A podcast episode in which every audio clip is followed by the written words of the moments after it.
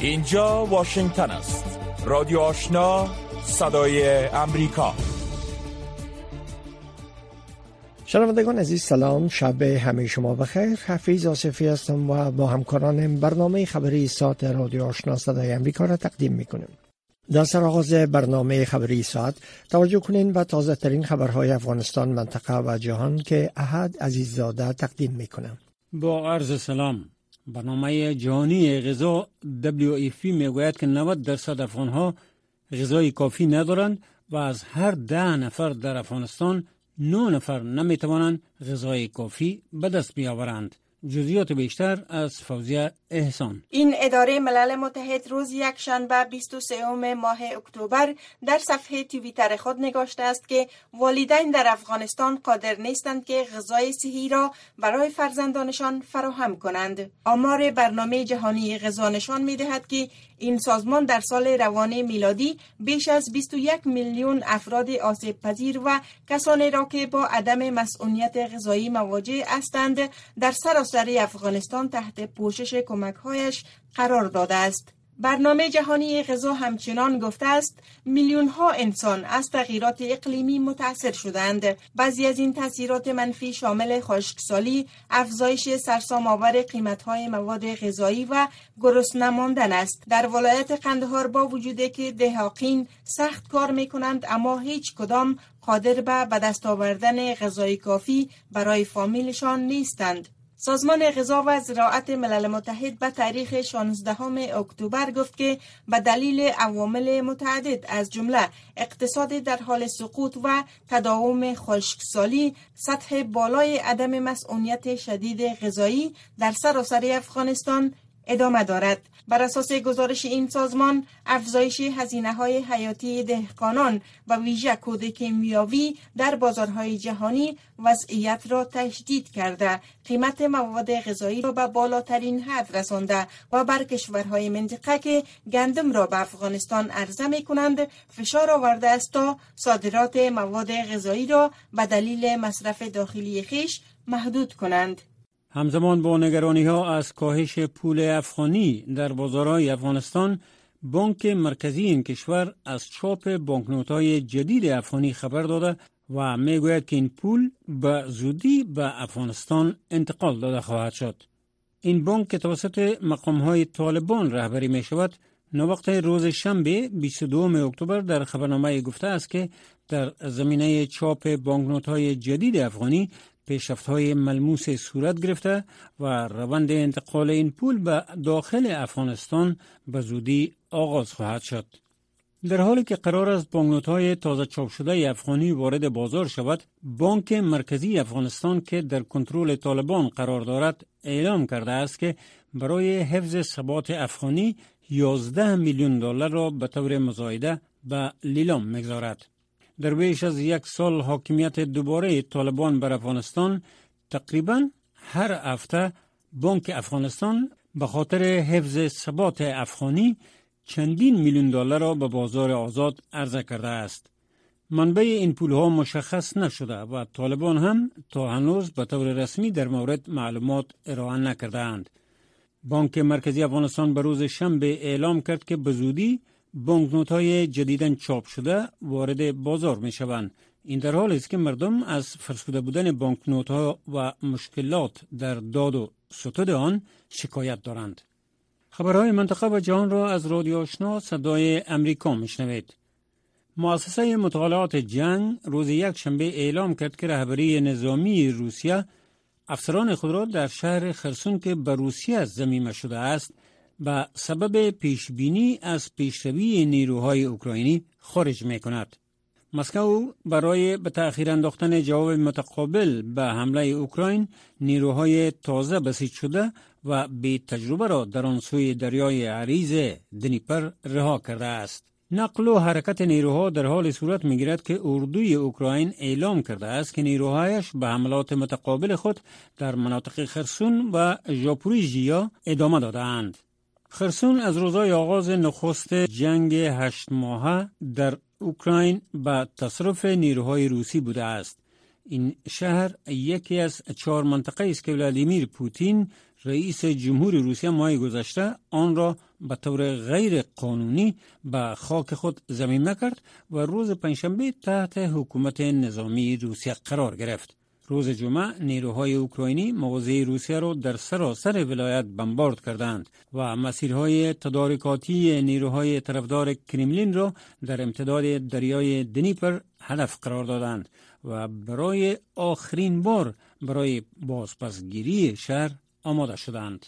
رئیس جمهور شی جینپینگ قدرتمندترین رهبر چین در دهه‌های اخیر روز یک شنبه با انتخاب مجدد برای دیدگاه او برای کنترل شدید بر جامعه و اقتصاد در حال رکود تسلط خود را افزایش داد و متحدانی را ارتقا داد که از دیدگاه او برای کنترل شدیدتر بر جامعه و اقتصاد در حال رکود حمایت می کنند. شی که در سال 2012 قدرت را در دست گرفت برای سومین دوره پنج ساله به عنوان منشی عمومی تعیین شد و رسم گذشته را کنار گذاشت که سلف وی بعد از ده سال از قدرت کنار رفت. برخی انتظار دارند که این رهبر 69 ساله برای مادام العمر در تلاش قدرت باشد. این حزب همچنان پس از برکناری صدراعظم لی کچیانگ رهبر شماره دوم و مدافع اصلاحات به سبک بازار و شرکت خصوصی یک کمیته دائمی هفت نفره را که تحت تسلط متحدان شی قرار دارد تعیین کرد. این در حال است که لی یک سال از سن 68 سالگی متقاعد شدن غیر رسمی حزب جوانتر می باشد. ژان پیر کابستان کارشناس سیاسی چین در پوهنتون باپتیست هنگ کنگ گفت قدرت حتی بیشتر در دست شی جینگ پینگ متمرکز خواهد شد. او گفت که منصوبین جدید همه به شی وفادار هستند. به هیچ وجه وزنه تعادل یا کنترل و توازن در نظام وجود ندارد. مقام های ایالات متحده می گویند که ماه گذشته تعداد زیادی مهاجران غیر قانونی از طریق مکسیکو خود را به مرز رساندند که سابقا نداشته است. مقام های گمرک و حفاظت مرزی ایالات متحده گفتند که در ماه سپتامبر تعداد مهاجران غیر قانونی از وینزویلا، کیوبا و نیکاراگوا بیشتر از آنچه که در یک سال گذشته مالی دیده شده بود تلاش کردند از مرز عبور کنند. این اداره در گزارش گفته است که نیروهای مرزی در ماه سپتامبر 227547 بار جلب ورود مهاجران را به ایالات متحده گرفتند. این سومین ماه در دوره ریاست جمهوری جو بایدن است که به این تعداد زیاد مهاجرین در مرز ایالات متحده متوقف می شوند. همچنان در این گزارش آمده است که تعداد مهاجرین متوقف شده در ماه سپتامبر توسط مرزبانان ایالات متحده نسبت به اگست 11.5 درصد و نسبت به ماه سپتامبر سال 2021 میلادی 18.5 درصد افزایش یافته است. گارد مرزی ایالات متحده در ماه سپتامبر 78 هزار مهاجر ونزویلایی کیوبایی و نیکاراگوایی را که در تلاش ورود غیر قانونی به ایالات متحده بودند متوقف کردند. بوریس جانسن ناوقت روز شنبه 22 اکتبر به لندن بازگشت تا برای کسب دومین دوره صدارت تنها شش هفته بعد از استعفایش رقابت کند. جانسن که شش هفته پیش در پی سلسله از افتضاحات و استعفای شماری از مقامات حکومتش به شمول وزیر مالیه حاضر به استعفا شد در مورد برگشت به شغل قدیمیش اظهار نظر علنی نکرده است. اما جیمز دادریچ وزیر تجارت بریتانیا گفت که جانسن به او گفته است که آماده احراز کرسی صدارت است. برخی از مقام های ارشد حزب محافظه کار همچون پریتی پاتل وزیر داخله پیشین از نامزدی بوریس جانسن حمایت کردند اما برخی دیگر همچون دومینیک راب وزیر امور خارجه پیشین نسبت به آن هشدار دادند به باور بعض تحلیلگران بازگشت او می‌تواند هرج و مرج سیاسی بیشتری ایجاد کند جانسن توانسته حمایت دهها قانونگذار محافظه‌کار را دریافت کند اما باید حمایت یکصد قانونگذار را به دست آورد تا مورد بررسی قرار گیرد لیستراس جانشین آقای جانسون روز پنجشنبه اعلام کرد که قادر به عملی کردن برنامهش برای بهبود شرایط اقتصادی بریتانیا نیست و به همین دلیل از رهبری حزب محافظه کار و صدارت بریتانیا استعفا می کند.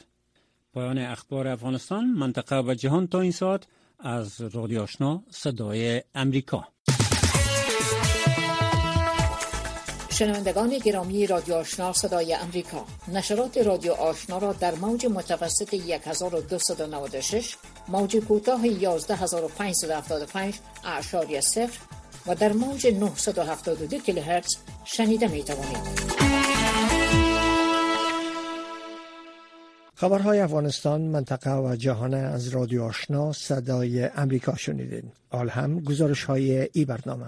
همزمان با نگرانی ها از کاهش پول افغانی در بازارهای افغانستان بانک مرکزی این کشور از چاپ بانکنوت های جدید افغانی خبر می‌دهد و می‌گوید که این پول به زودی به افغانستان انتقال داده خواهد شد.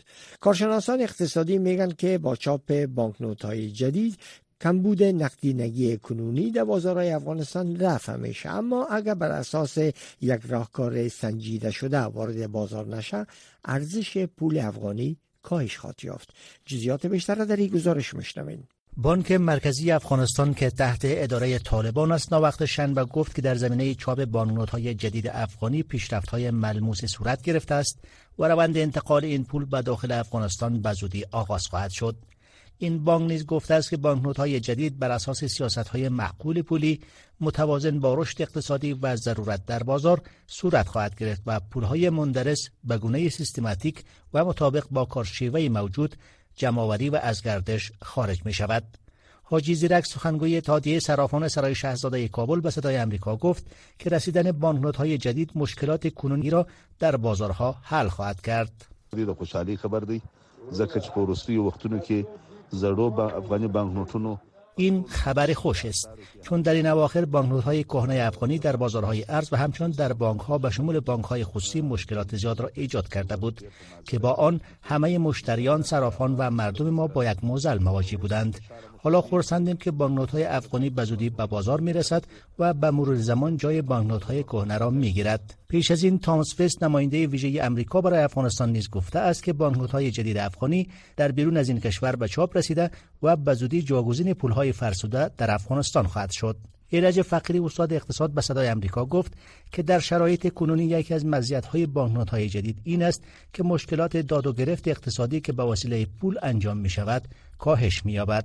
اما آقای فقیری افزود که در کنار ها ورود های جدید در بازارهای افغانستان عواقب نیز به دنبال خواهد داشت که منجر به افت ثبات اقتصادی، ایجاد رکود، بیکاری و کاهش ارزش افغانی در برابر ارزهای خارجی خواهد شد. عواقب که سبب ایجاد فساد اقتصادی خواهد شد به وجود میآید.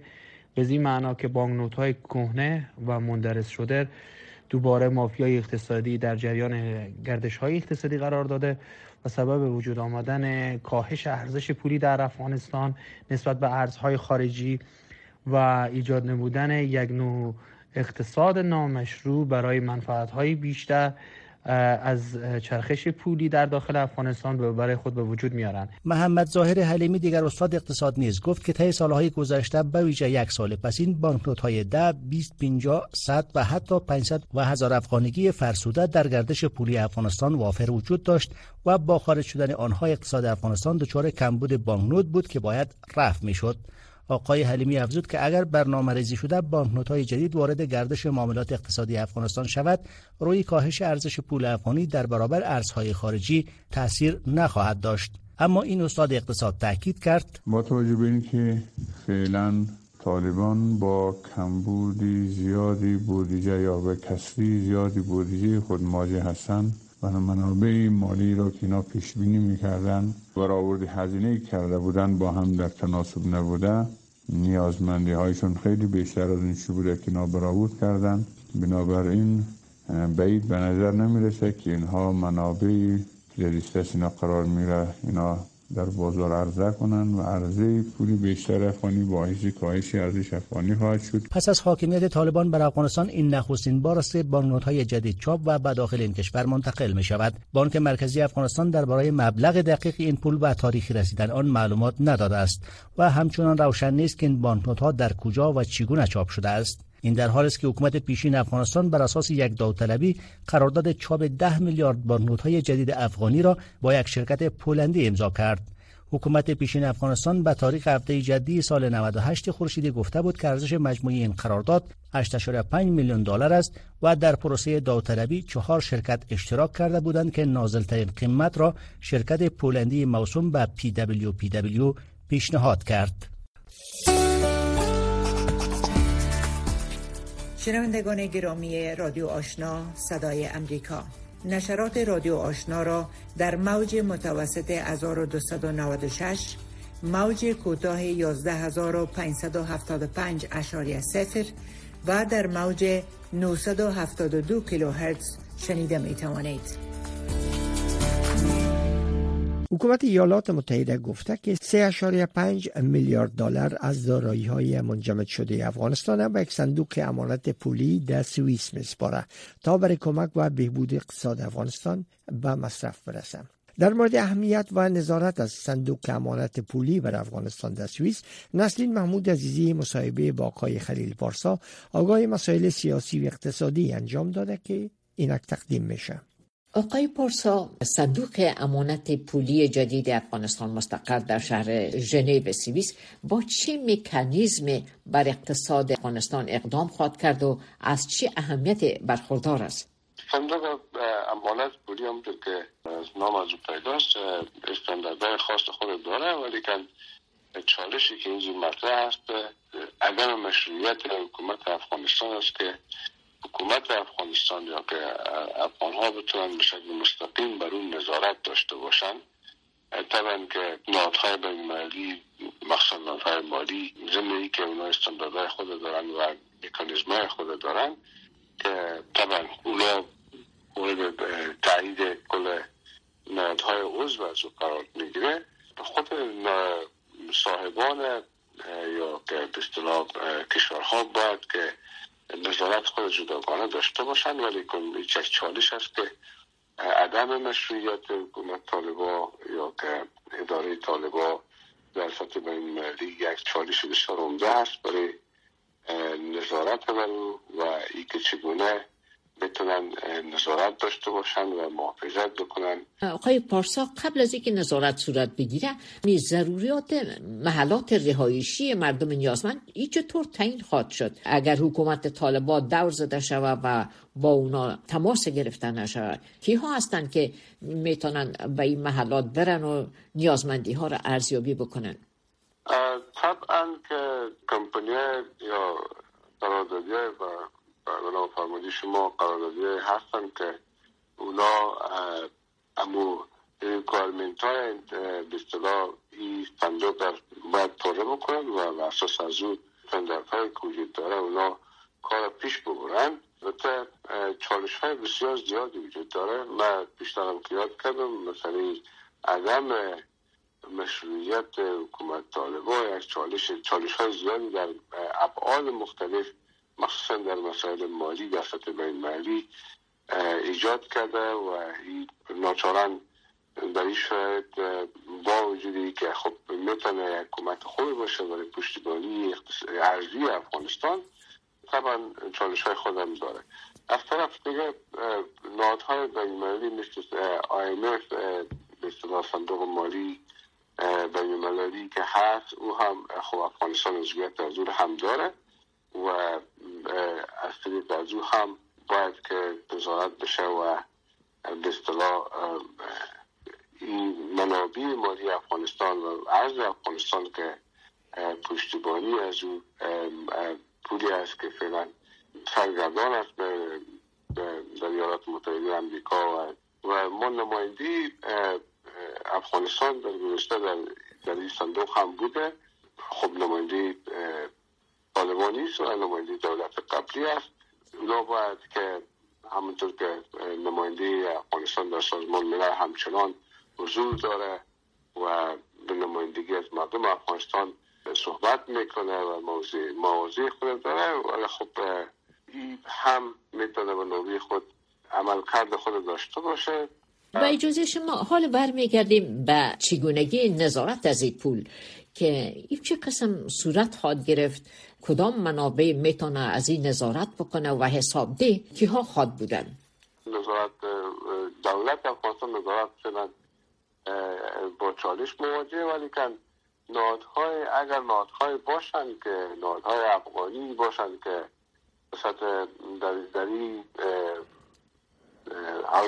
فعالیت داشته باشن اونا می‌تونن هم نظارت بکنن و نهادهای بین که مثل صندوق بین پول هم می‌تونن از, از این پول و از این مولدی اصطلاح اینا نظارت داشته باشن.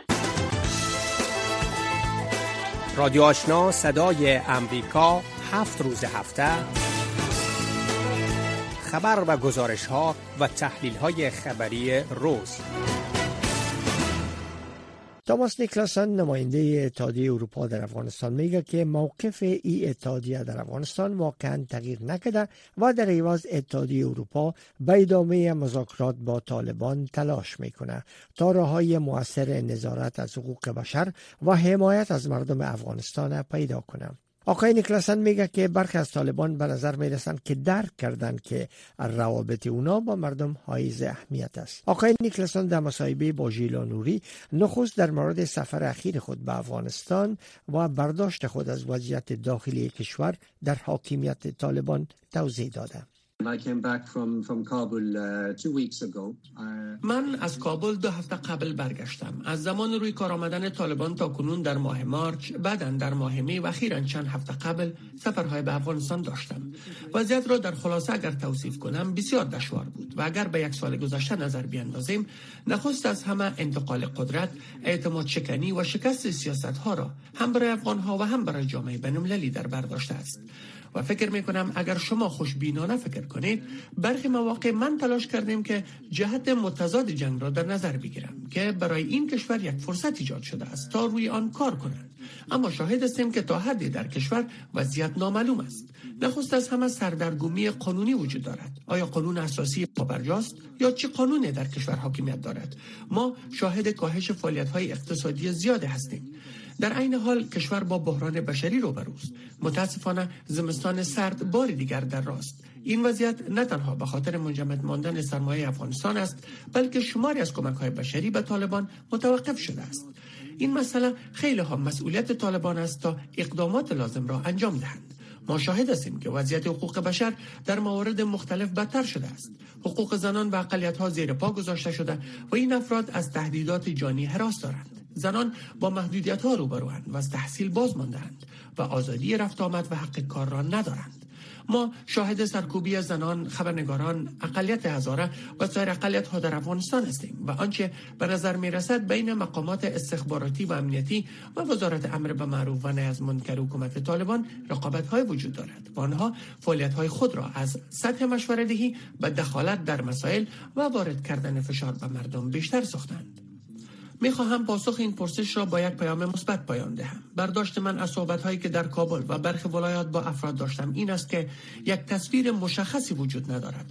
ما در سراسر افغانستان وضعیت متفاوت را می‌بینیم. در برخی از نقاط افغانستان مکاتب بر روی دختران باز هستند. در برخی جاها جامعه مدنی منظمند. حداقل فعالیت دارند. در جاهای دیگر مذاکرات میان ها و مردم محل و علما جریان دارد.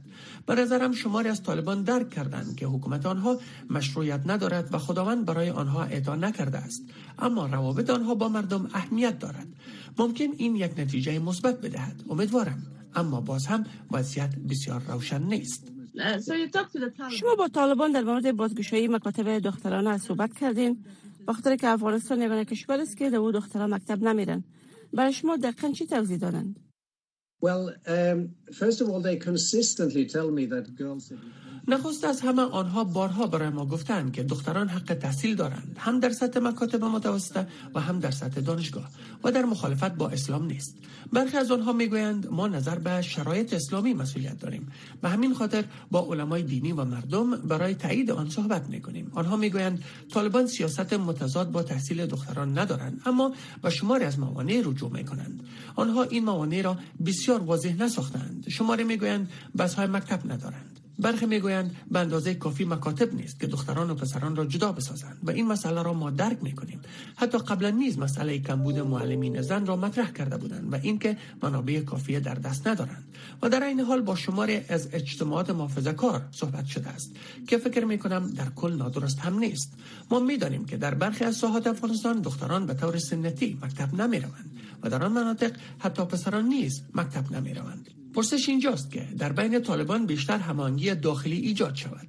رهبری طالبان حراس دارند که این مسئله باعث ایجاد انقسام در بین رهبران آنها شده است و تلاش می کنند که روی آن توافق پیدا کنند و شاید مسئله این باشد که رهبری طالبان مسئولیت نمی‌گیرد.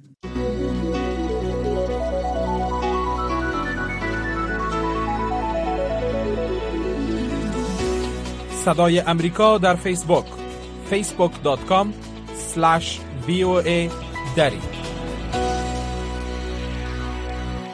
استرالیا هشدار داده که سیل گسترده تاثیر قابل توجهی بر مصارف زندگی در این کشور خواهد داشت. مقام ها گفتند که قیمت میوه ها و سبزیجات در جریان شش ماه آینده بیش از 8 درصد افزایش خواهد یافت. به هزاران تن از باشندگان محل گفته شده تا خانه های خود ترک کنند زیرا طوفان های بیشتر در شرق استرالیا رخ داده. فیل مرسر از سیدنی گزارش داره که عبدالواجد عادل برگردان او را به توجه میرسانه در دو سال گذشته سرازیر شدن سیلاب ها بخش های شرق استرالیا را در هم کوبیده است سیلاب برخی از حاصل خیزترین زمین های زراعتی کشور را در سراسر ایالت های نیو ساوت ویلز، ویکتوریا و تاسمانیا زیر آب کرده است.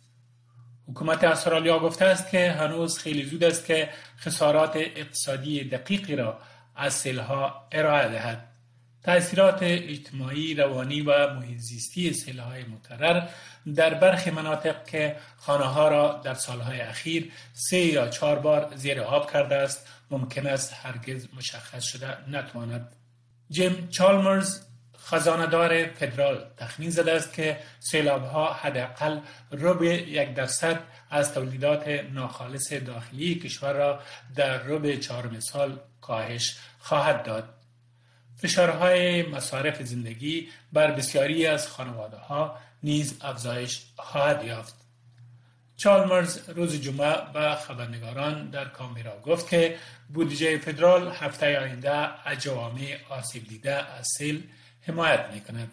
Responding to natural disasters and building resilience in our economy will be absolutely central feature. پاسخ به حوادث طبیعی و ایجاد انعطاف پذیری در اقتصاد ما از ویژگی های کاملا محوری خواهد بود.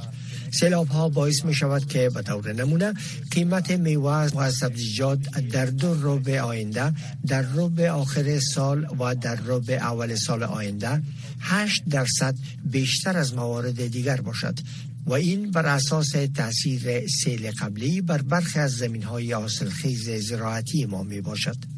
در ماه جون تورم به 6.1 درصد رسید که بالاترین رقم در استرالیا در 21 سال گذشته است. اقتصاددانان انتظار دارند که به دلیل عوامل داخلی و بین‌المللی مختلف از جمله تاثیر جنگ اوکراین بر عرضه جهانی غذا و انرژی این رقم تا پایان سال به 7.5 درصد برسد. هشدارهای سیل از کوینزلند تا ویکتوریا و جزیره ایالت تاسمانیا گسترش می‌یابد. حکومت گفته است که پنج نفر بر اثر سیل در ویکتوریا و نیو ساوت ویلز جان دادند. صدر انتونی البانیز روز شنبه در بیانیه گفت که سه هلیکوپتر برای عملیات نجات شبانه در حالت آماده باش هستند و 150 نیروی اضافی نیز در حال پیوستن به عملیات اضطراری می باشند. شنوندگان عزیز ای بود داشته های برنامه خبری که در همین جا به پایان رسید. اما نشرات پشتو و دری رادیو آشنا صدای امریکا همچنان ادامه داره. شنونده رادیو آشنا باشید.